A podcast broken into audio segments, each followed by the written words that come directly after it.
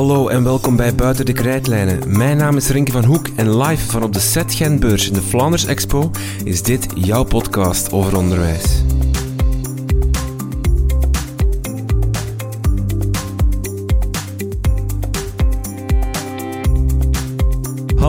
Welkom bij Buiten de Krijtlijnen, een podcast over onderwijs. Mijn naam is Rinke van Hoek. Vandaag eh, live hier op de Set Gentbeurs uh, met als gast Eva Nijkens is hier, uh, recht uit Nederland. Eva is meer dan 20 jaar werkzaam in het onderwijs, begonnen als leraar en dan eigenlijk opgeklommen als schoolleider. Heeft uiteindelijk de uh, Alan Turing School opgericht en heeft ja, haar enigma-aanpak beschreven in dit boek, moet ik zien zonder dat er al van alles valt. En wat als we nu weer eens gewoon gingen lesgeven? Ondertussen zijn er al nog twee boeken gevolgd, aangezien dat we hier eigenlijk twee jaar geleden gingen zitten. Uh, dat is niet bij ons, de, de piep. Um, er zijn er al twee boeken extra gevolgd, Eva. Dus het is, uh, een, een, een, je zei het daarnet, dat boek is een beetje een avontuur geworden dat serieus uit zijn voegen gebarsten is. maar heel fijn dat je hier bent. Hoe gaat het? Het gaat goed. Ja, gelukkig wel. Ja. In België of in Vlaanderen, heb je het gevoel dat daar ook jouw boek zijn publiek vindt of zijn, zijn resonantie vindt in jouw ideeën? Nee, zeker. toen wij toen het boek net uitkwam, toen zijn we eh, voor de, door de vakbond uitgenodigd. En toen zijn we, dat doet Martin, mijn collega met wie ik het boek heb geschreven, noemt het een Vlaamse veldtocht. Zijn we op een Vlaamse veldtocht geweest langs allerlei scholen en uh, hebben uh, allerlei lezingen gegeven. En, uh, en ik merk ook wel dat er heel veel, of ik krijg ook wel eens verzoeken dat mensen uit Vlaanderen onze school willen bezoeken. Dus daar is echt wel belangstelling voor. Ja. Alright. Um het is eigenlijk een beetje, je beschrijft eigenlijk in, in het boek jouw aanpak, jouw visie op onderwijs. Mag ik dat zeggen zo? Ja, eigenlijk proberen we een beetje uit de visie op onderwijs te blijven. Um, maar we beschrijven in het boek vooral van... Goh, uh, hoe kan je die visie op onderwijs die je hebt nou tot recht laten komen? Ja. En ik denk dat namelijk... Uh, het boek moet je ook een beetje zien in het tijdsgevricht... waar volgens mij jullie in Vlaanderen ook nu middenin zitten... Maar toen, uh, in 2018, toen wij het schreven, toen. Uh, uh, het was echt een soort. Het, heeft ook echt. tot, het is een soort bominslag geweest, de uitkomst van het boek. Want heel veel mensen moesten er bijna van huilen. De emotie omdat mensen het gevoel hadden dat ze het vak waren, aan het verliezen waren. En ik denk dat de, wat wij opschreven beroep deed op van goh. Um, hoe krijg je dat, nou weer grip op dat vak, op dat prachtige vak, wat ondertussen gewoon leeg loopt, waar andere mensen zeggenschap steeds meer over krijgen en nemen. En dat wilden we eigenlijk terugpakken, ja. Ja, de titel zit, de, zit ook heel erg in die titel. Hè. En wat als we nu gewoon eens terug gingen lesgeven en, niet al die andere dingen daar rond doen. Ik kan me wel voorstellen dat bij leerkrachten wel, wel resoneert. Was zoiets van ja, Graag, alsjeblieft. Ja, dan zet je misschien een beetje op het verkeerde been. Want die titel die lijkt natuurlijk van... Nou, ga lekker gewoon lekker je gang in dat leslokaal... en uh, stort je daar helemaal op en het komt allemaal helemaal goed. Terwijl we natuurlijk eigenlijk zeggen... Uh, als je meer gaat samenwerken, duidelijke focus hebt, uh, ambities hebt, met elkaar de goede dingen doet hè, en ook wel degelijk je daarover laat informeren wat dan ook echt goed onderwijs is, dat dan je dat gevoel krijgt van ja, we bereiken wat we willen bereiken met de leerlingen. Ja. Um, jullie school is er gekomen nadat jullie een wedstrijd gewonnen hebben in Amsterdam. Ja. Nou, een wedstrijd. Het is inderdaad, je kon een vernieuwend uh, schoolconcept uh, uitwerken in Amsterdam. Daar zijn in het begin 100 mensen mee begonnen. Dus de gemeente Amsterdam had een. Uh, ja, een soort uh, ja, wedstrijd uitgeschreven. Maar het was wel een beetje een ingewikkelde wedstrijd, kwam ik later achter. Want de schoolbesturen waren in Amsterdam niet zo eens met die wedstrijd. Dus die gemeente wilde eigenlijk meer vernieuwende concepten. concepten. En wij waren eigenlijk, nou, begonnen daar een soort ja, heel enthousiast aan. Uh, een van die honderd mensen die dus een heel plan hadden ingediend kwamen uiteindelijk bij de laatste tien. En uh, toen kwamen we in een soort ja, traject waarbij ja, dat we ook wonnen. En een van de vier winnaars waren van het vernieuwende concept. ja. Het boek biedt een soort van aanpak om de visie op onderwijs eigenlijk, om jouw visie op onderwijs als schoolleider uit te, uit te kunnen voeren. Ja. Eh, maar dat vertrekt dan van een soort van, er zijn een aantal problemen in onderwijs. Welke problemen identificeer jij of wat zijn de grootste problemen in onderwijs die jij ziet? Nou, de grootste problemen in het onderwijs uh, die ik zie, uh, die, kun je helaas met een boek niet oplossen. Maar uh, hè, in Nederland echt heel ernstig op dit moment dat lerarentekort. toch ook wel echt de werkdruk.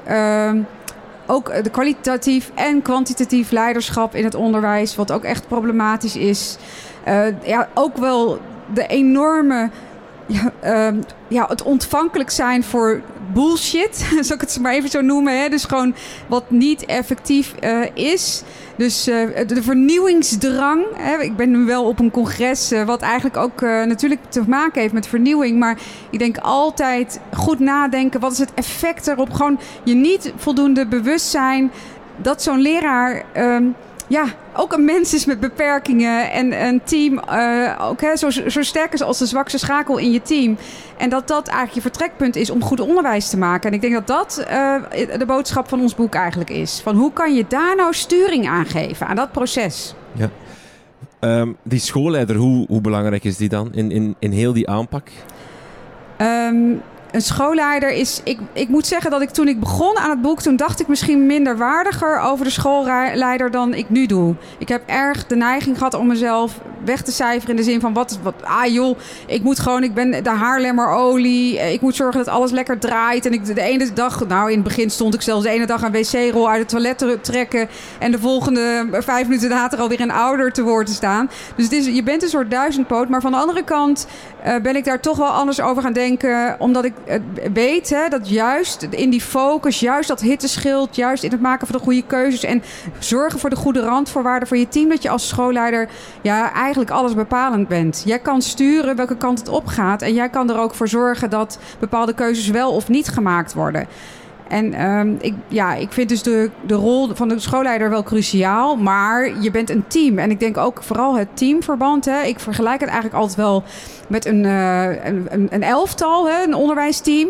Waarbij je dus uh, hele goede keeper hebt, uh, goede coach hebt. Maar je hebt ook hele goede spelers nodig. En één speler die minder goed speelt, je moet die met elkaar dus wel kijken van hé, hey, uh, die wissel je, maar je kan natuurlijk moeilijk je hele team wisselen.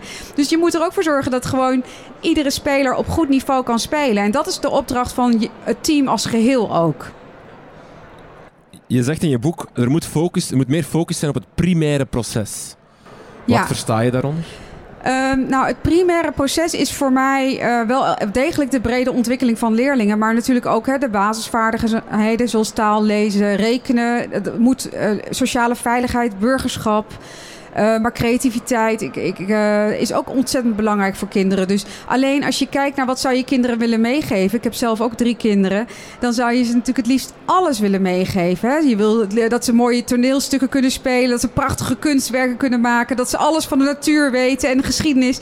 Maar ja, daar zijn uh, onze tijden gewoon met onze leerlingen beperkt voor. Dus je moet wel degelijk keuzes maken. En dan ligt toch het schrijven, hè? het, het lezen, leesvaardigheid, rekenvaardigheid ja, dat staat toch wel met stip op één. En is die, lees ik dat, of hoor ik dan dat die focus te veel is afgedwaald? Of dat we te veel proberen doen met het onderwijs? Dat we, dat we wat je net, we willen ook dat ze toneel spelen en we willen dat ze dat dan leren in onderwijs. We willen ook dat ze dat kunnen en dat ze dat leren in onderwijs. En dat we te weinig focus hebben of te weinig tijd nog hebben om ja, primaire dingen als taal, uh, lezen, rekenen te doen ik denk dat de, de focus, hè, dat, dat hoor je in Nederland, is dat echt wel de tendens. Dat als er een probleem uh, is in de maatschappij, zoals bijvoorbeeld kinderen kunnen niet fietsen.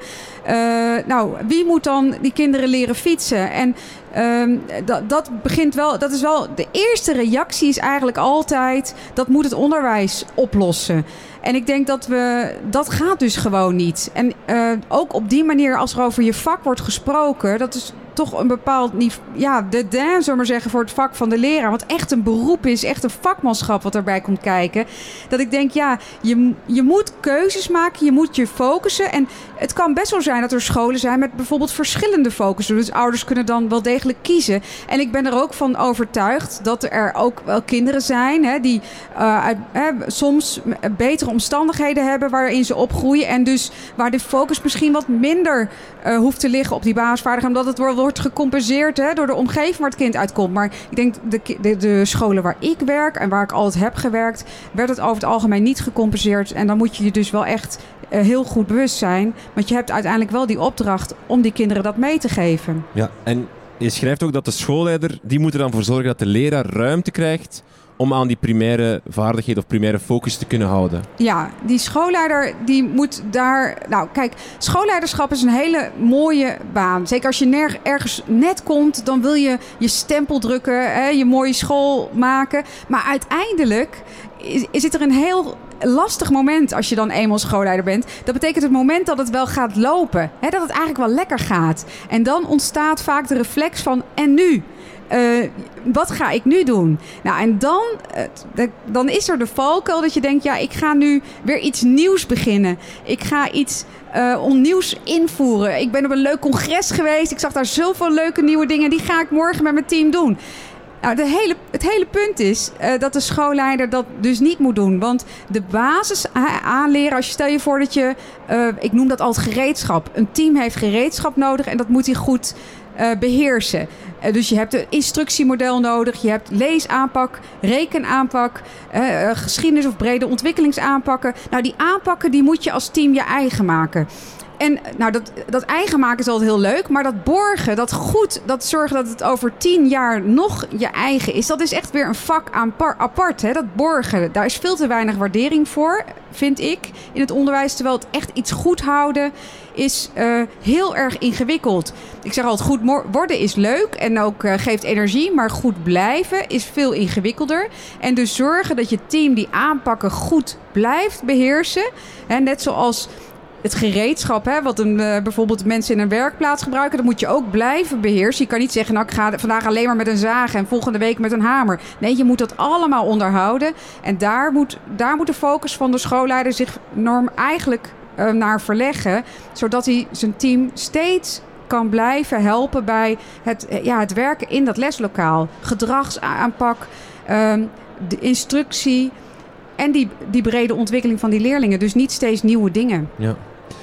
Jouw aanpak die je beschrijft, noem je de Enigma-aanpak. Van, waar die, van waar die naam? Nou ja, wij gingen een school uh, oprichten. Onze school heette Ellen Turing School. En dat is een beetje een anti-reactie geweest op uh, Maurice de Hond uh, zijn iPad-school. ik weet niet of jullie dat hier in Vlaanderen hebben meegekregen. Nou, prijs jezelf gelukkig. Hij had bedacht dat een iPad eigenlijk de sleutel zou zijn tot het succes. Dus als je daar gewoon gaat zoeken, dan kom je er wel als kind. En hij, hij was er zo van overtuigd dat hij daar ook een school voor had opgezet.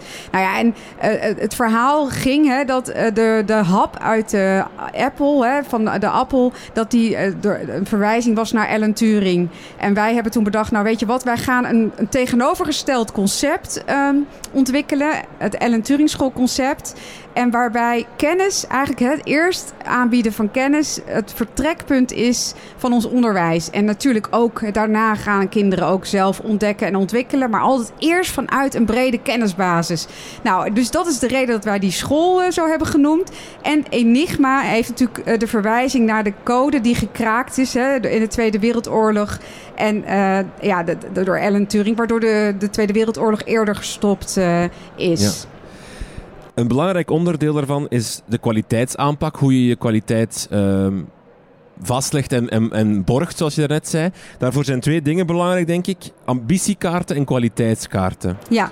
Wat zijn, wat, met wat moeten we eerst beginnen? Ja, ik denk dat het nog wel even leuk is om te vertellen dat enigma betekent raadsel. En ik denk kwaliteitszorg in de school is heel erg belangrijk. Maar het is ook een raadsel. En dat wil ik mee zeggen dat ik kan jou niet vertellen wat goede focus in jouw organisatie is.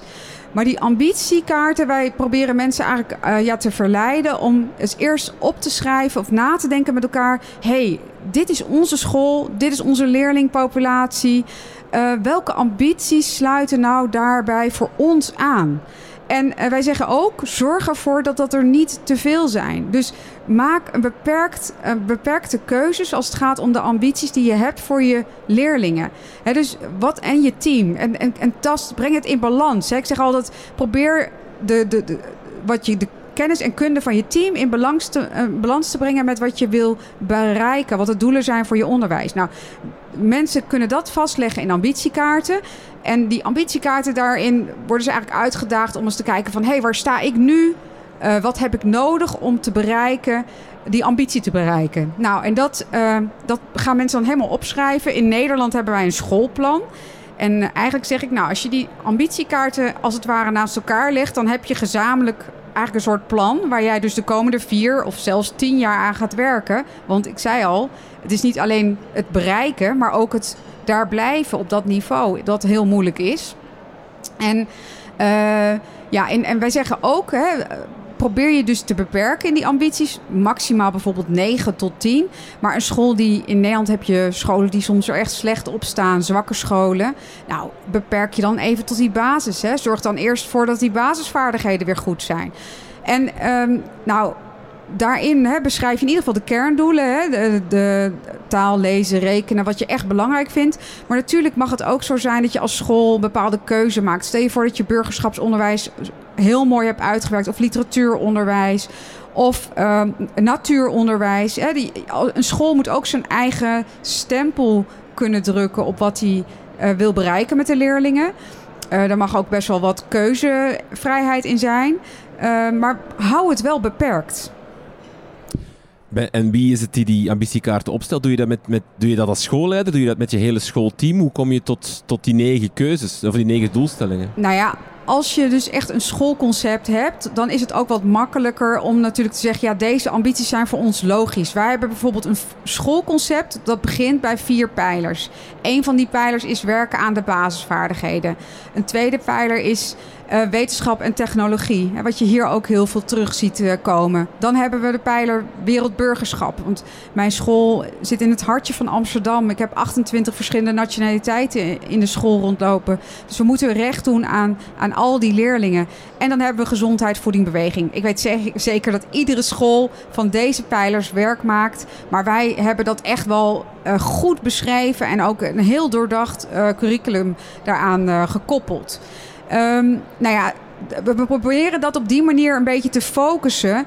En uh, voor, ik zeg al, voor iedere school zal het een beetje verschillend zijn. En daarbovenop uh, merken we als we dit doen, dat we dan eigenlijk al zo goed als vol uh, zitten met het programma wat, wat mijn leraren kunnen bieden. Want ik, ik, ik zeg al, met alles wat wij doen, gaan we steeds weer terug naar. Kun, kan mijn team dit nog waarmaken? Want die ouders die komen bij ons. Um, ouders in Amsterdam moeten tien verschillende basisscholen kiezen. Hè. Je krijgt een lijst en die moeten op die lijst aangeven welke scholen ze leuk vinden of goed vinden voor hun kind. Nou, en dan. Dus ik moet die ouders wel een verhaal vertellen. En ik zei al, het verhaal van de school moet duidelijk zijn, maar moet ook transparant zijn en eerlijk zijn. En ik probeer steeds door die ambities, door ons aan die ambities vast te houden, een eerlijk verhaal eh, te vertellen. Wat we ook echt kunnen waarmaken dus ook aangeven wat je niet doet. Of waar je niet voor gaat. Wat je niet, belang, alleen niet belangrijk is, is misschien fout, maar waar, je, waar nu de focus van de school niet op ligt. Precies. Door heel duidelijk te zeggen van ja, dit doen we dus wel en dit doen wij niet. Hè. Hier kunnen wij helaas ja, door ons gebrek aan tijd uh, niet op die manier die kwaliteit bieden die we zouden willen bieden. Dus dat doen we dan maar niet. En uh, ik merk dat door zo'n duidelijk verhaal tegen mijn ouders te vertellen, dat ik mijn team als het ware bescherm. Want in ons concept hebben we ook uh, gezegd, en in het begin waren vijf jaar geleden mensen er een beetje boos over op ons. Wij hebben gezegd, de leraar binnen onze school staat centraal en niet de leerling. Um, wij hebben gezegd, de leraar staat centraal, omdat de leerling zijn eigenlijk ja, voorbijgangers, eh, hele belangrijke voorbijgangers. We zijn cruciaal in hun ontwikkeling, zeker voor sommige kinderen. Maar die leraar, hoe beter die leraar zich voelt, hoe gelukkiger die leraar zich voelt, hoe minder werkdruk die heeft. Uh, ja, hoe eh, beter het, het, onderwijs is dat wij kunnen bieden uh, aan onze leerlingen. En dat zie ik ook in de praktijk. Maar ik zie het ook als ik kijk naar werkgeluk uh, wat mijn leerlingen hebben. Wij doen elk jaar mee met het onderzoek van klassenwerkplek naar het meest gelukkige team. En al twee jaar op rij heeft ons team daar de hoogste score gehaald. En dat gaat mij niet om die score, maar ik wil eigenlijk bewijzen door te focussen op die leraar, door die werkdruk laag te houden, dat het werkplezier van leraren veel hoger wordt en uh, dat leraren veel gelukkiger zijn. Ik las ook een verhaal in jullie boek dat jullie een school overnamen, uh, dat jullie jullie visie of jullie idee over onderwijs uh, probeerde door te voeren. En dat je eigenlijk verschoot van hoe weinig weerstand er was. Dat je dacht van dit klopt hier niet, er loopt iets mis. Maar dat eigenlijk kwam omdat, je, omdat jullie zo doordrongen waren van jullie idee, van jullie visie, dat jullie met zoveel enthousiasme voor die groep stonden, dat dat eigenlijk uh, jou als schoolleider legitimeerde om die veranderingen door te voeren. Ja, in eerste instantie, je moet je echt voorstellen, wij kwamen op dat moment toch in een noodlijdende school. Die op het randje stond van omvallen. En ik vond het, het was een heel leuk uh, team. Maar ik, uh, het, het, concept wat zij tot dan toe altijd hadden omarmd, was een totaal uh, tegenovergesteld concept met ons idee over onderwijs. Zij hadden een ontwikkelingsgericht onderwijsconcept, hè, wat meer vanuit de leerling zelf kwam. En wij hadden natuurlijk gezegd, ja, eigenlijk staat die, die leraar is nu even de centrale persoon. En kennis is hier heel belangrijk. Meer belangrijk, al in het begin. En toen, uh, dus ik dacht ook, ja, hoe kan dit nou? Maar het heeft mij ook wel het gevoel, want ik heb er met mijn team wel veel over gehad. En zij zeggen ook van, ja, op een bepaald moment staat er gewoon eigenlijk iemand voor je. Waarvan je denkt, ja, die geloof ik gewoon. En ik vertrouw erop dat het met haar, dat zij ons uh, helpt op reis hè, naar dat nieuwe concept. En dat we, ja, dat we met haar mee kunnen gaan. En dan zie je dat mensen dat in het, vaak in het onderwijs werken, dat ze gewoon een duidelijke focus willen. Dat ze, dat ze het gevoel hebben van ja, we kunnen op de bestemming komen met elkaar die we willen bereiken. Uh, en zij zal daar een bijdrage aan leveren. Hm. De kwaliteitskaarten, welke rol spelen die? Dat is toch iets anders dan de ambitiekaarten, ja, hè? Ja, die kwaliteitskaarten, ja, want die ambitiekaarten die, die hebben we puur bedacht. We hebben er eerlijk gezegd die naam ook maar gewoon op een dag verzonnen hoor. Ik bedoel, wij, het is, dat hele boek schrijven is één groot avontuur geweest. Want ik heb nooit de ambitie gehad om schrijver te worden. Dus uh, op een bepaald moment zit je ineens met zo'n oud, uh, uh, uitgever om tafel. En voordat je er erg aan hebt, hebt zegt hij tegen je: Nou, ga je gang. En over een jaar moet je het maar inleveren. En natuurlijk krijg je heel veel feedback op de teksten. Maar het was nou niet bepaald dat ik denk: Goh. Dat was nou, ik, ik, ik heb de droom gehad om schrijver te worden. Maar wat wel heel leuk is, is dat uh, die ambitiekaarten, die hebben we bedacht. En die kwaliteitskaarten, nou de naam denk ik, het is een beetje een starre naam. Terwijl eigenlijk, waarom heb ik die nou bedacht? Omdat uh, in de school zitten heel veel uh, herhalende patronen. Ik noem dat ritmes en routines. En die ritmes en routines worden vaak niet goed genoeg vastgelegd. En als je dat niet doet, dan betekent dat je eigenlijk elk jaar weer opnieuw gaat nadenken over die ritmes en routines. Nou, ik kan daar heel veel voorbeelden van noemen. Ik weet niet of ze allemaal herkenbaar zijn, maar bijvoorbeeld hoe neem je een toets af? Nou, wij hebben in Nederland uh, gestandardiseerde toetsen. Maar de, de randvoorwaarden, hoe dat ook alweer zat, omdat je het maar twee keer per jaar doet, weet je niet meer precies hoe zat ook alweer het met die toetsvoorwaarden. Ook uh, een leerling vertragen of laten versnellen. Dat doe je niet zo vaak. Het is niet routinematig, maar het is wel belangrijk dat iedere leraar binnen je team daar dezelfde stappen of afwegingen in maakt. Nou, de school barst van dat soort processen. Zeker als je naar passend onderwijs uh, kijkt. En uh, nou, die processen dus zeker niet. Ik ben geen micromanager. Sterker nog, ik leg helemaal niet graag veel te veel vast. Maar de processen die. Nou, het terugkerende processen die niet routinematig zijn, maar wel cruciaal zijn als het gaat om de kwaliteit van je school, die hebben we heel goed beschreven. En dat scheelt heel veel werkdruk bij leraren. Die kunnen die ook heel makkelijk terugvinden. Dus het gaat er eigenlijk over, bijvoorbeeld er gebeurt iets, iets dat niet routine is. En de leraar moet dan niet nadenken over wat ga ik hier nu mee doen, wat is hier nu de beste oplossing, want dat staat dan beschreven in een kwaliteitskaart. En eigenlijk kan de leraar direct dan uh, reageren daarop? Ja, wij maken bijvoorbeeld twee keer per jaar een rapport. Nou, het rapport is uh, bij ons uh, nou, best een belangrijk document. Want ik, ouders hebben natuurlijk recht op een eerlijk verhaal. Nou, daar hebben we gewoon afgesproken. Hoe gaan we om met die normering? Ik heb al bijvoorbeeld een net uitnodigingetje voor de ouders in zo'n kwaliteitskaart staan. Zodat iedere leraar op dezelfde manier de ouders kan uitnodigen. er staat ook bijvoorbeeld het eerste rapport mogen de leerlingen van groep 4 bij ons meekomen bij het gesprek. Dat is een driegesprek. Nou, dat betekent dat, dat elke keer zitten we... oh ja, wanneer mochten, mochten leerlingen van groep 4 nou wel of niet mee? Weet je, dat zijn van die belangrijke geheugensteuntjes... om ervoor te zorgen dat dat soort processen heel soepel verlopen. En dat werkt heel erg goed. Zeker ook omdat bijvoorbeeld in Amsterdam... of in heel Nederland groot leraartekort... maar Amsterdam is echt dramatisch. Ik heb nu ook bijvoorbeeld ook drie nieuwe medewerkers. Die moeten ook weer helemaal op die trein kunnen springen hè, van het onderwijs. De rest weet het al. Want ik, ik, ik ga er helemaal niet van uit dat mensen die kaarten dagelijks zitten na te kijken. Liever niet zelfs. Maar voor zo'n nieuwe leraar is het heel fijn om even zo'n geheugensteuntje erbij te pakken. Oh ja, hoe gaat dat hier nou eigenlijk? Want dan voelt iedereen zich er ook veel makkelijker bij horen. Je ziet toch dat scholen vaak varen op, het, ja, op een gegeven moment op een harde schijf van leraren die al behoorlijk vol zit. En dan heb je leraren die er al heel lang werken en die weten het al heel goed hoe de hazen lopen. Maar nieuwe leraren, ja, die, hoe moeten die nou aan die kennis komen? Die kunnen dat er niet uit al die hoofden van al die collega's trekken. Dus het is bij ons gewoon een bibliotheekje waar zij dat in kunnen vinden. Maar wat ik zelf ook doe als schoolleider, ik kijk altijd zes weken vooruit. Um, en dan, wat staat er nou op de planning waardoor ik uh, dit voor mijn teamleden makkelijker kan laten verlopen? Dan haal ik bijvoorbeeld de belangrijke tekstjes of ik stuur zo'n kwaliteitskaart mee. Waarvan ik weet, oké, we gaan toetsen of we hebben oudergesprekken. Uh, we hebben net uh, voor de vakantie een bijeenkomst gehad met het hele team over bijvoorbeeld complexe oudergesprekken. Hoe, wat kan jij nou als leraar doen om die beter te laten verlopen? Nou, de belangrijkste elementen daaruit leg ik dan vast, zodat zij dat makkelijk weer terug kunnen vinden. Is het dan een soort van automatisatie dat je, net zoals je bij leerlingen probeert te doen, doordat ze dingen automatiseren, verlicht je hun werkgeheugen, waardoor ja. ze meer ruimte hebben om andere dingen te doen? Eigenlijk het eigenlijk hetzelfde proces? Het is eigenlijk het werkgeheugen van de leraar wordt heel zwaar belast. Hè? Die heeft die methodes, die methodieken, die aanpakken, die ouders die nog wat willen. Uh, de, deze leerling heeft die extra ondersteuning, die leerling heeft die extra ondersteuning. Nou, en dan ook nog eens een keer de schoolafspraken als het gaat om de belangrijkste ritmes en routines. Ja, dat, dat kan je van een mens uh, bijna niet verlangen. En uh, nou ja, om, omdat ik dat ook eerlijk gezegd belachelijk vond. Dat we daar de leraar over vroegen. Terwijl ik ook wel niet de indruk wil wekken. Want dan merk je het woord, hè, kwaliteitskaart, wekt dan de indruk van... nou, daar is alles tot in detail vastgelegd. Maar juist niet. Hè. Wij zeggen altijd, het zijn eigenlijk uh, professionele standaarden, noemen we ze.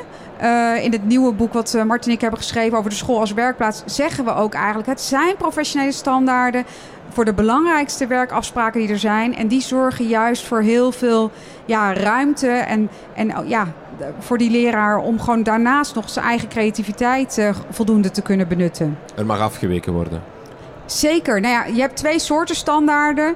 Uh, als het gaat om echt, uh, bijvoorbeeld, stel je voor een leerling heeft uh, externaliserend gedrag. Hè, er zijn echt grote gedragsproblemen. Dan wil ik wel dat je echt die standaard strikt volgt. Hè, want dan kan ik ook makkelijker inspringen in zo'n proces. Hè. of bijvoorbeeld bij een leerling met ernstige dyslexie. Nou, dan moet je ook als leraar standaard die stappen wel volgen. Dan kan je niet zeggen, nou, dat ga ik even lekker op mijn eigen manier doen.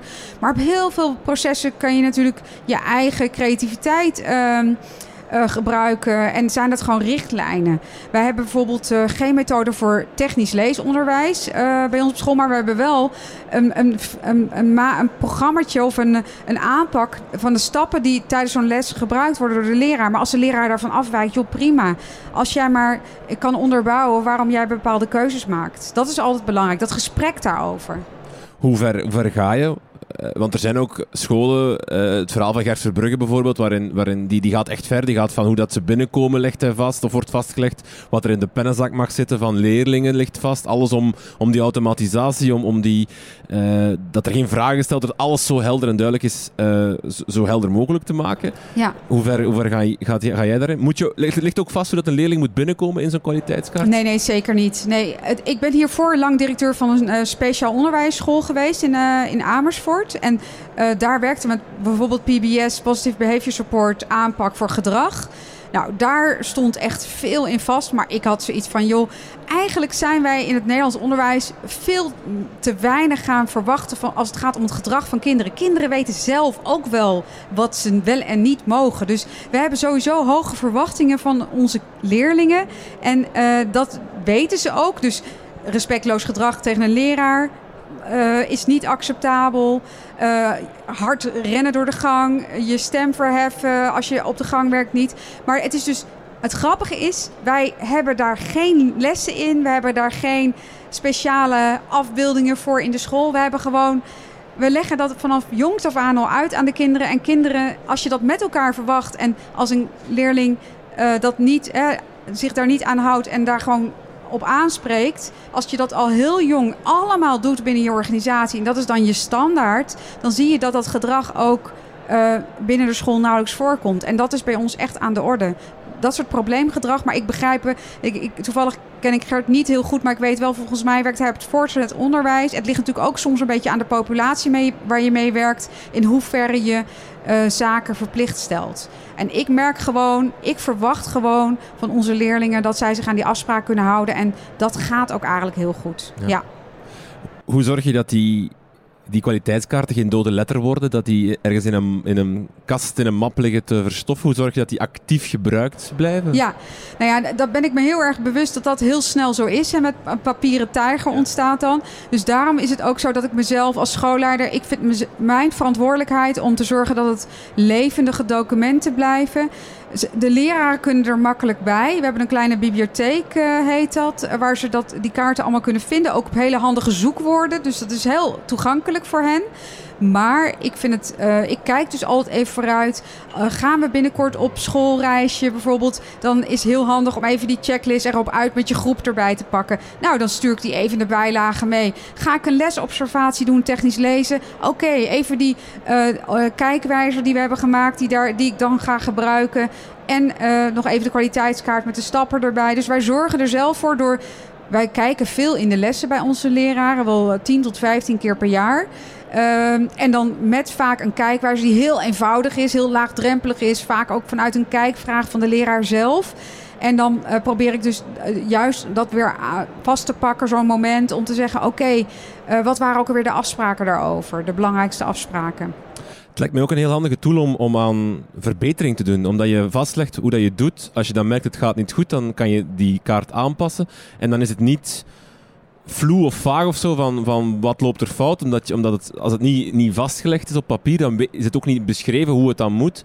En het is volgens mij moeilijker om daarover te reflecteren en dan te verbeteren. Ja, nee, het is heel fijn op een gegeven moment als je dit hebt. Want je, wij zijn er nu bijna geen tijd meer mee kwijt. Op een gegeven moment heb je natuurlijk gewoon een uitgekristalliseerde aanpak in je organisatie. Maar ik zeg altijd tegen schoolleiders uh, die hiermee willen beginnen of met het goede kwaliteitszorg. Want ik zeg altijd, het hoeft helemaal geen enigma aanpak te zijn. Maar wij wilden gewoon uh, de ogen open voor het belang uh, van keuzes maken. En uh, duidelijke borgingsprocessen binnen de organisatie goed, goed uh, te doen. Maar het mooie is dat als je dit eenmaal doet, het kost je wel vier jaar voordat je het echt iets neergezet hebt waarvan je zegt, ja, hier kunnen we tevreden over zijn. Dit werkt voor ons. Dit zijn onze belangrijkste ritmes en routines en zo zien die eruit. En in het begin moet je alles, ja, uiteindelijk op papier schrijven en ergens maar gewoon beginnen. En dan gaandeweg ga je werken, ga je het steeds verbeteren. En uiteindelijk ja, ben ik er nu bijna geen tijd uh, meer mee kwijt en mijn team ook niet. Nee. Is het belangrijk dat je ze zo concreet mogelijk beschrijft? Of is er een soort van structuur die jullie hanteren om die kwaliteitskaarten vorm te geven? Want het kan ook wel, wel zijn dat je het te vaag omschrijft of dat je het onhaalbaar uh, of onrealistisch beschrijft of zo op zo'n kwaliteitskaart? Nee, het moet altijd gewoon enorm praktisch zijn. Het moet ook altijd uh, geschreven worden vanuit het perspectief van de gebruiker.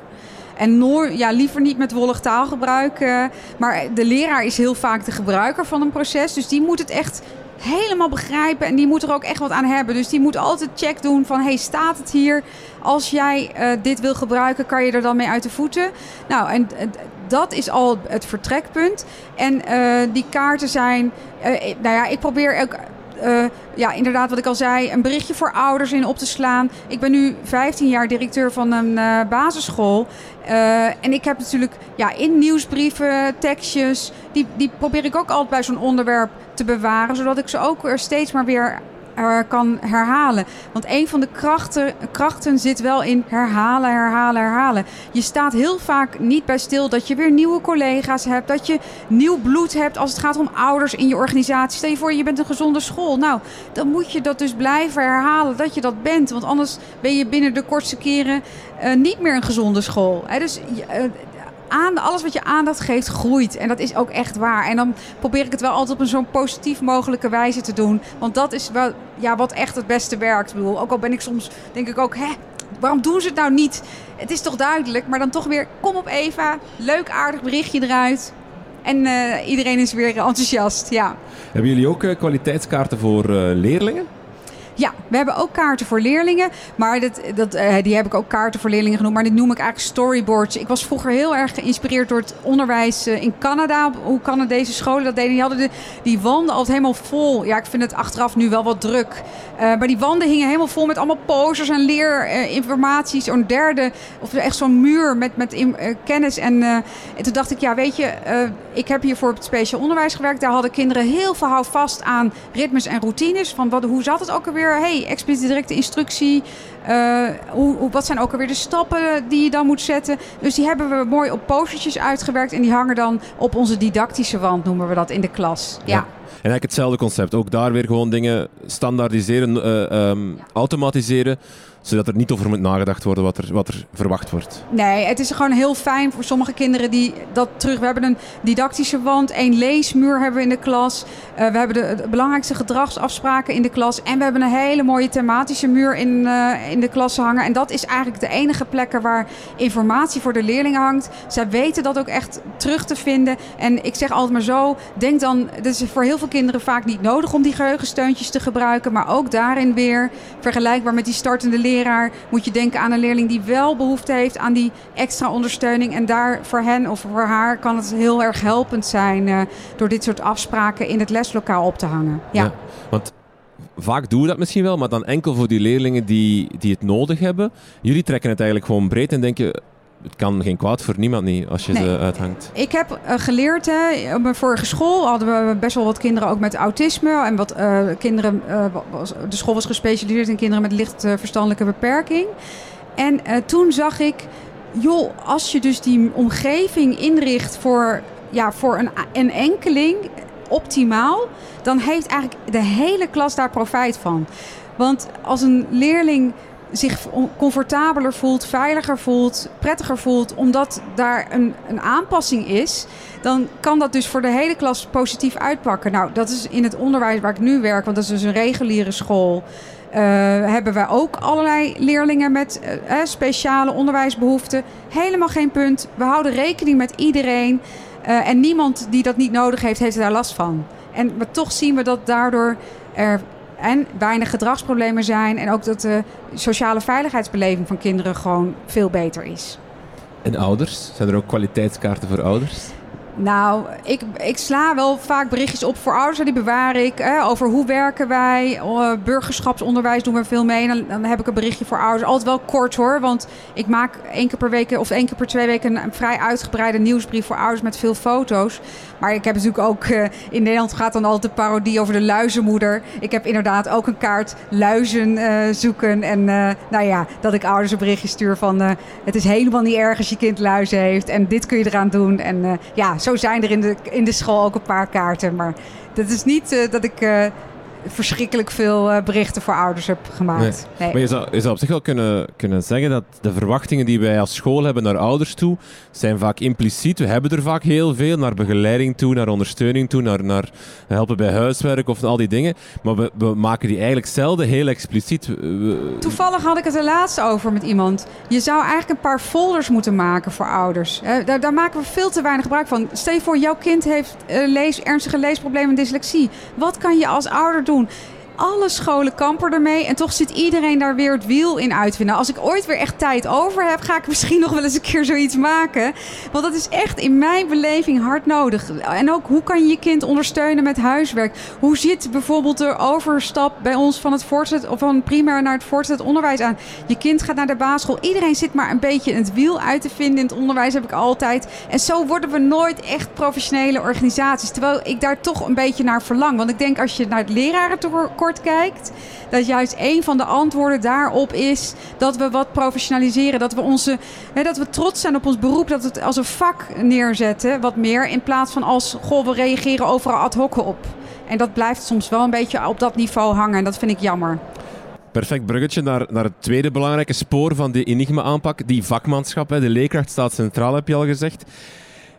Is het ideale beeld voor jou dat elke leraar een vakman is in een bepaald onderdeel van lesgeven of van, van onderwijs? Um, nou, het ideaal is voor mij dat eigenlijk iedere leraar zich uh, comfortabel voelt in het, het, vak. En ik denk dat als je een lerarenopleiding afgerond hebt, dan ben je hè, een beginner. En dan ben je, voel je je vaak nog niet comfortabel. Dus uh, daar heeft de school waar je dan komt te werken een belangrijke opdracht in om je verder op te leiden. Ik denk dat dat is al het eerste punt. Toen ik een paar jaar geleden begon, een paar jaar geleden, 15 jaar geleden, 20 jaar geleden begon het onderwijs toen was er nauwelijks aandacht voor die starter. Ik weet nog wel dat ik eerder alle. De, dat was standaard zo. Ik werkte op een hele moeilijke school. Ik werd eigenlijk niet echt begeleid. En elke vrijdag stond ik standaard om 12 uur te huilen. Want toen dacht ik, nou, ik heb het bijna gered. Maar uh, veel, het hield niet over. Echt op je tandvlees ben ik in het onderwijs eigenlijk gebleven. Nou, zo moet het toch niet zijn. Dus je moet leraren bij de hand nemen. Je moet dus ritmes en routines aanleren. Veel lesbezoeken doen. Wij hebben nu ook cursussen gemaakt voor startende leraren bij ons op school. Zodat zij de aanpakken die belangrijk zijn voor onze organisatie zich eigen kunnen maken. Nou, en op die manier zien wij dat, dat bezig zijn met het vakmanschap van alle leraren ontwikkelen. Om dat op een goed niveau te houden. En ook nieuwe mensen, stagiaires, uh, zij-instromers mee te nemen in die organisatie. Zodat zij zich dat ook eigen kunnen maken. Ja, je beschrijft uh, drie stappen, denk ik, om vakman te worden of, of om vakmanschap te bereiken. Lokaliseren, bevragen en, en uitbreiden. Kan je daar even dieper op ingaan wat je daarmee bedoelt? Nou, het is als het uh, waren. Wij zijn, uh, Martin en ik, uh, dat hoofdstuk over vakmanschap heeft Martin trouwens geschreven. is een prachtig hoofdstuk. Want wij zijn beide geïnspireerd door Senet. En het nieuwe boek wat wij geschreven hebben over de school als werkplaats, is dat nog meer uitgelegd. Van nou, wat is nou belangrijk? En eerst moet je natuurlijk, waar moet ik aan werken? En, en, en dat vakmanschap van die leraar moet, dat moet stapje voor stapje worden uitgebreid. Dus dat is niet iets wat je van de een op de andere dag kan. Het wordt soms, uh, ik zag ook een steentje hier uh, over expliciete directe instructie. Als je zo'n concreet voorbeeld neemt, dan is dat iets wat je je helemaal eigen moet maken. Om dat goed zelfstandig te kunnen doen. En eerst ga je dat natuurlijk helemaal oefenen zoals het bijvoorbeeld in stapjes moet. Nou, je gaat het ook uitproberen met je leerlingen. En als je dat beheerst, dan ga je het uitbreiden, bijvoorbeeld naar andere vakken. Of je gaat ermee spelen. Je gaat het op een andere manier inzetten. Maar dat zijn fases waar je als leraar doorheen gaat. Um, en, en, en, en dat moet niet onderschat worden hoe belangrijk het is om de leraar de tijd te geven om zich die fases allemaal eigen te maken. En doelbewuste oefening vond ik ook interessant. En vooral dat woordje doelbewust dan, dat je echt gewoon bijvoorbeeld die expliciete directe instructie. Je zegt van ja, daar wil ik vakman in worden, wil ik echt goed kunnen omdat me dat interesseert. Of, of daar, dat, dat vind ik een heel interessant. Dat je dan ook gewoon zegt van ja, de komende weken ga ik echt daarop oefenen in mijn les. Ik ga zo lessen maken. Ik ga, dat gaat niet lukken, dat gaat mislukken, maar ik blijf oefenen, blijf bijschaven. Ja, en ook uh, dus veel collega's uitnodigen om te komen kijken. Van hey, kom eens even kijken of met elkaar in gesprek gaan. En dat is ook wat we proberen te stimuleren. Die dialoog over dat vak, over een instructie, een stukje van een instructie. Of stel je voor, en vaak zie je van nou, je, je geeft een basisinstructie aan een grote groep leerlingen die het wel begrijpt. Maar hoe komt het nou dat die, die, die ene leerling het maar niet begrijpt, wat kan ik eraan doen? He, dus die, uh, die, die specifieke doelgroep interventies. Nou, dat je dus met elkaar bezig bent met je vak. Ja, daarom zeg ik ook, het onderwijs en het vak zelf is al zo interessant. Dan moet je toch niet uh, als uh, schoolleider te veel willen vergaderen over allerlei onbelangrijke zaken. Want dan kan je gewoon helemaal geen tijd. Dan heb je helemaal niet voldoende tijd om over dit soort mooie onderwerpen van ons vak te hebben. En het vakmanschap te verbeteren. Dus uh, daarom vind ik het ook zo belangrijk. Is dat dan ook de rol van de schoolleider om, om, om, om daar ruimte voor te scheppen? Om, om, om het gesprek ook niet te breed te maken, niet te veel dingen extra op dat bord te leggen van die leerkracht, zodat hij binnen dat onderwijs, binnen dat lesgeven, een, een focus kan vinden, iets kan, kan lokaliseren waarin hij vakmans, vakman wil worden? Het, het is sowieso mijn droom. Het was mijn droom toen we dat boek ook schrijven en Martins droom. En, uh, en nou, als we zien hoeveel uh, boeken er nu verkocht zijn en hoe, de reacties erop, uh, denk ik, ja, meer mensen verlangen daarna. Uh, maar er zit inderdaad ook een valkuil in om steeds maar weer ja, het gevoel te hebben dat je het er met elkaar weer over moet hebben. over allerlei zaken. Dan noem ik altijd waar ligt het kreppapier en ehm, gaan we met de harde of de zachte bal gimmen vandaag of gaan we wel of niet buiten. Uh, corona was ook zo'n moment. Dan zag je ook van hoeveel je met elkaar weer aan het overleggen bent om de ritmes en routines weer goed in te voeren in je organisatie. Nou ja, het liefst heb ik het daar zo min mogelijk over. En het liefst zoveel mogelijk over. hey, hoe kunnen we die ene leerling er helpen om die leerstof beter te begrijpen? Wil je een keer bij mij in de les komen kijken? Ja, als, als het dan als het daarover gaat, heb ik nog nooit een leraar ontmoet die, waar het hart niet sneller van gaat kloppen. En ik denk ook dat dat uh, dat we er te weinig erover hebben, dat dat een van de redenen is waarom er zoveel mensen het onderwijs verlaten. Ja.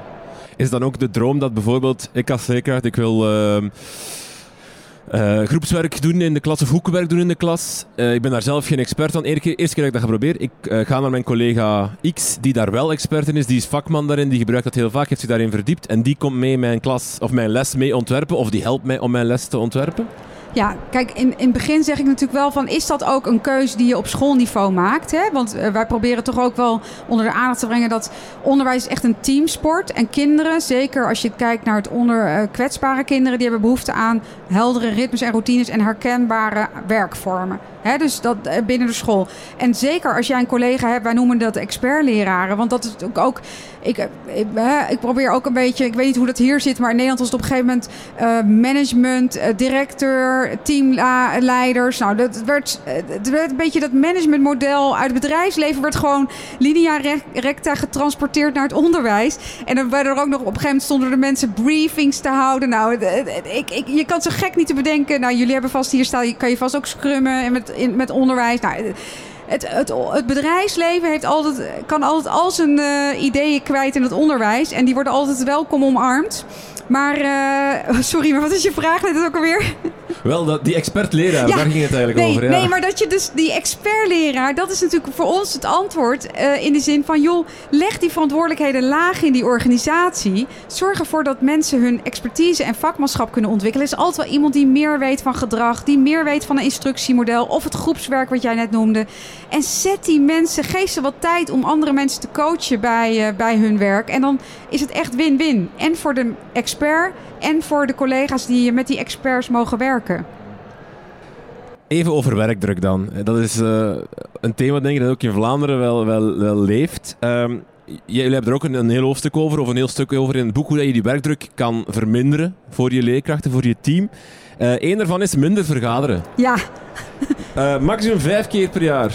Nou ja, met... waar moet je het op een gegeven moment over hebben? Hè? Ik bedoel, uh, welke? Ja. Kijk, er zijn wel twee verschillende dingen. Uh, vergaderen en bij elkaar komen om over je vak te praten zijn voor mij twee verschillende dingen.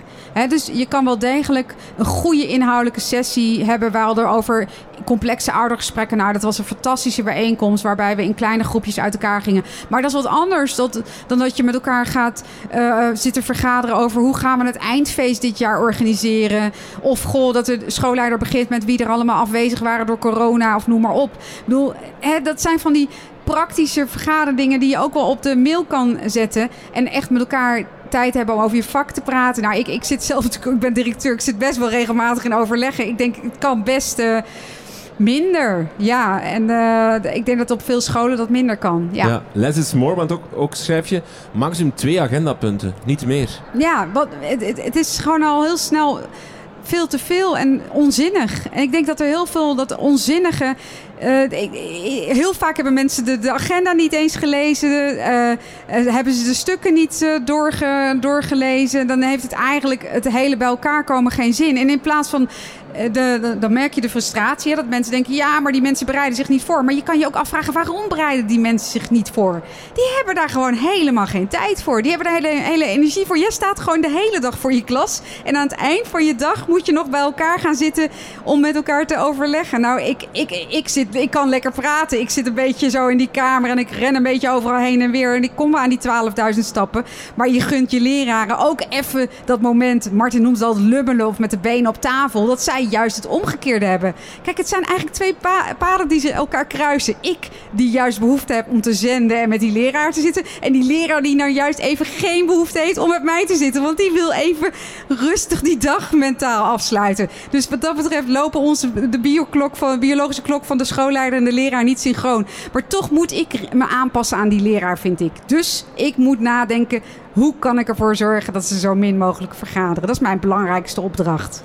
Ook geen, geen uh, verslag bijhouden, geen notulen maken. Nee, dat is ook echt totaal nutteloos. Er kijkt nooit niemand meer in. Sterker nog, en je kan ze vaak ook niet eens terugvinden. De belangrijkste afspraken. En dan denk ik ook wel als ik zoek in mijn mail, uh, wat hadden we ook weer afgesproken? Nee, maar dan heb ik dat dus in die kwaliteitskaart. De belangrijkste dingen, die zet ik daarin, die, die afgesproken zijn, die arceer ik dan even geel. Dat ik ook weet van, oh, oké, okay, dat was van de vorige keer, dat is belangrijk. Direct concreet aanpassen ja, als je gewoon wel zo'n kaart meteen. En dat doe ik wel meteen zelf, want ik, ik verwacht dat ook van anderen. Ik denk, ik moet mezelf ook wel nuttig maken natuurlijk als school schoolleider. Maar uh, nee, ik merk al als ik iets terug moet vinden. En het, uh, ik, ik, heel vaak lukt dat gewoon helemaal niet. Dus ja. nee.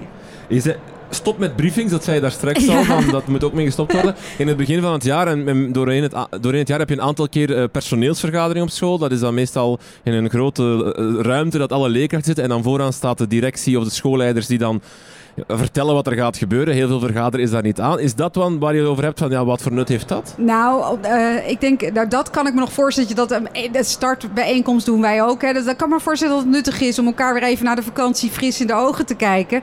Maar eh, de briefing is bij in Nederland, ik weet niet of dat bij jullie al doorgecijpeld is, anders gaat het nog komen. eh, dat je dus ochtends eh, vroeg, eh, voordat de lesdag begint, bij elkaar komt in de ruimte. En dat de directeur even of een teamleider vertelt wat er allemaal belangrijk is die ochtend. Welke leraren afwezig zijn, welke bijzonderheden zijn, welke cavia is overleden van welke leerling. En dat je echt even weet, oké, we kunnen fris met elkaar beginnen. En dat komt voort, dat schreef ik ook uit het boek, blijkbaar uit de oor- oorlog, dat militairen met elkaar briefings houden om... eh, om eh, ja, goed op de hoogte te zijn van de laatste situatie. Maar wij zijn geen oorlogsgebied, gelukkig. No- nog niet, gelukkig. Dus het lijkt me ook weer zo'n een trend die dan overgewaaid is, die beter weer weg kan. En is Ja. het dan ook gewoon dat extra informatie die, die dan weer allemaal binnenkomt, die als leraar ook moet verwerken, waar je dan ook misschien dat in je achterhoofd blijft hangen van, en, en waar jij eigenlijk niets mee bent? Eh, Ja, dit is extra informatie. Zit even bij elkaar. Je ziet elkaar even. Maar mijn collega Martin die had er zo'n hekel aan dat hij dan... Je hebt soms in teamkamers wel zo'n app- koffieapparaat. En dan zette hij dat aan zo keihard. En dan kwam er van die keiharde koffie werd dan eh, gemalen. En dan, eh, nou ja, dan, dan viel de briefing eigenlijk een beetje in het water. Ja.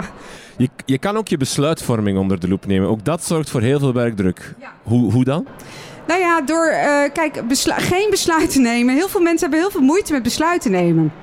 En dan eh zijpelt eigenlijk zo'n besluit eh, voort. En dan komen er allemaal nieuwe dingen die besloten moeten worden. En die, dat zijn allemaal van die ellenlange besluiten die dus eh, nooit worden genomen. En door gewoon knopen door te hakken. En dan kan je natuurlijk, als het een heel slecht, bes- ik, een heel slecht besluit is, kan je er altijd nog weer van terugkomen. Maar ik merkte dat met die corona ook. Op een gegeven moment moest je gewoon zeggen: we gaan dit doen, we gaan dat doen, we gaan zus doen. En het zal soms niet helemaal perfect zijn geweest. Maar als je het niet besluit, merk je dat iedereen een soort stress en geen richting meer heeft. Dus ik zeg altijd: neem een besluit en ja, wees daar ook transparant in. Van hoe zo'n besluitvorming tot stand is gekomen. Het moet wel eerlijk zijn. Het, eh, ik bedoel, ik ben niet van de directieve kant. Ik had op een gegeven moment ook heel leuk een soort vragenlijstje via Google Forms formulier. En dan konden mensen de avond ervoor bijvoorbeeld even hun mening eh, opschrijven. Als er heel ad hoc eh, belangrijke besluiten genomen moesten worden door, hè, door, door corona of noem maar op.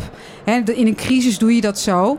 En eh, dan wist ik toch hoe iedereen erover stond. Over, voor stond. En dan kon ik gewoon een eerlijk eh, afgewogen besluit nemen. Dus in plaats, want- vaak heb je dan een werkgroep en die wil, moet dan een beslissing nemen, die stelt Nee. het dan uit of die zegt dan we gaan Ja. het personeel nog eens bevragen of je, je wilt nog extra informatie inbinnen, je, je, je wilt zo goed mogelijk voorbereid een besluit nemen. Ja. Jij Nee. zegt van neem Wer- gewoon een besluit. Werkgroep is een enorme werkdrukverhoger. En ik wil ook uitleggen waarom. Waarom dat je dat dus niet moet doen of maar één moet doen per jaar. En niet, in Nederland had je op een gegeven moment een taakbeleid. En dan moesten leraren zoveel uren voor de klas. En dan moesten ze extra taken doen. Nou, verschrikkelijk. Dus, en omdat niet iedere leraar al zijn taak had, gingen er werkgroepen werden dan verzonnen. Zodat je dan toch al je werkuren helemaal vol had gemaakt. Hè? En dat je helemaal eh, waar voor je, dat je als schoolleider helemaal waar voor je geld kreeg.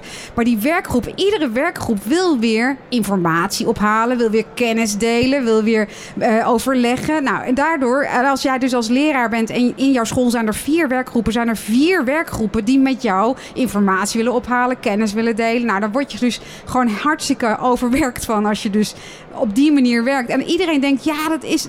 Denken, mensen denken niet goed genoeg na wat er eigenlijk op zo'n leraar afkomt en, en hoeveel informatiestromen er wel niet iets van die leraar willen. Ja, dat is echt verschrikkelijk. Oké, dan ga ik Eva, ga ik jou heel hartelijk bedanken aan de mensen. Dus, en wat als we nu weer eens gewoon gingen lesgeven? Er is al een opvolger over het voortgezet onderwijs, dus het secundair onderwijs. En dan eh, het derde boek, en daar ontspringt er de titel even van. Ja, de school als werkplaats en die gaat eigenlijk over kwaliteitscultuur. Dus die legt dan wat beter uit hoe kun je nou goed een aanpak invoeren. Gewoon heel praktisch een vervolg op deze. Het zijn eigenlijk twee, ze horen een beetje bij elkaar. Het zusje. Ja, Oké. Heel veel dank om te luisteren. Eva, heel veel dank om te gast te zijn. heel Dankjewel. graag gedaan. Dankjewel.